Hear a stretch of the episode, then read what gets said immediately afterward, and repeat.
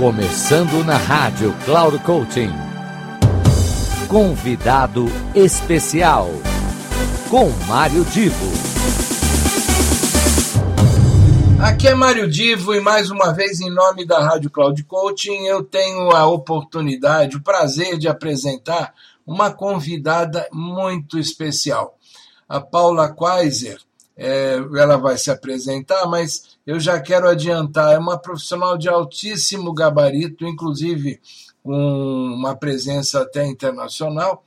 E uma das técnicas que ela desenvolveu, ou melhor, uma dos métodos que ela desenvolveu, é muito, muito elogiado e muito acompanhado por potenciais empreendedores, pessoas que de alguma maneira queiram desenvolver os seus negócios. E aqui agora ela vai dar umas dicas que você não pode perder. Acompanhe com atenção, no final eu volto para Obrigada, mario Divo. É muito bom tar aqui com vocês na radio Cloud Coaching. A Cloud Coaching é um projecto que eu acompanho de perto e que eu gosto muito. Então, muito obrigada pelo convite. Bom, então deixa me apresentar aqui para quem não me conhece. Eu sou Paula quaiser sou emprehendedora e agora mãe de uma bebê de um anno e meio, então ainda mais emprehendedora quem a mãe sabe. Sou business coach, palestrante internacional. Já palestrei em mais de dez cidades pelo mundo afora, onde inclusive numa dessas palestras em Genebra eu fui indicada a um prêmio pela qualidade e inovação do não entendeu, Canvas Coaching é um método de coaching de minha autoria baseado no modelo de negócios Canvas. Canvas, em inglês, significa tela, como tela de pintura. Então, é um jeito de você desenhar o seu modelo de negócios de forma visual, onde você tem muito mais clareza sobre o seu negócio e consegue visualizar facilmente onde você quer chegar com o seu projeto empreendedor. E se você pensa em criar um negócio, eu separei aqui algumas dicas do que você deve fazer antes mesmo de começar o seu modelo Muita gente quer emprehender na verdade, mas tem medo. Medo de falhar, medo de investir errado, medo de quebrar. Então, a primeira dica para emprehender com segurança é o preparo, estar preparado, se preparar. Dizem que a sorte é o que acontece quando a preparação encontra a opportunidade Portanto, preparo é a chave do successo buscar conhecimento, cursos, palestras, lives, não importa. Quanto mais você souber sobre o mundo dos negocios menor será a sua chance de falhar. Depois, busque conhecimento, mas vá direto na fonte, ou seja, tenha mentores. Esteja perto de quem sabe mais que você, de quem já passou de fase e já viveu o que você tá vivendo. Aprenda com a experiência d'elles Isso vae te dar bagagem para evitar commetter os mesmos erros que elles cometeram no passado. Todos os grandes empresários de successo sempre tiveram grandes mentores e conselheiros por perto. Portanto, siga o caminho de quem já deu certo. Depois, uma palavra que já virou até clichê, mas que é muito importante: autoconhecimento. Você sabe qual é o seu perfil empresarial? O que, que você faz bem, seus pontos fortes, pontos fracos, aquilo que você tem que melhorar e aquilo que você faz tão mal, mas tão mal, que vale mais a pena contratar alguém para fazer por você. É importante saber os seus limites como empreendedor e terceirizar as suas fraquezas. E por ultimo monte um modelo de negocios e um plano de negocios com cenário realista. O emprehendedor tem que entender que o negocio demora um tempo para decolar. Por isso é importante fazer um bom planejamento e uma boa planilha de fluxo de caixa.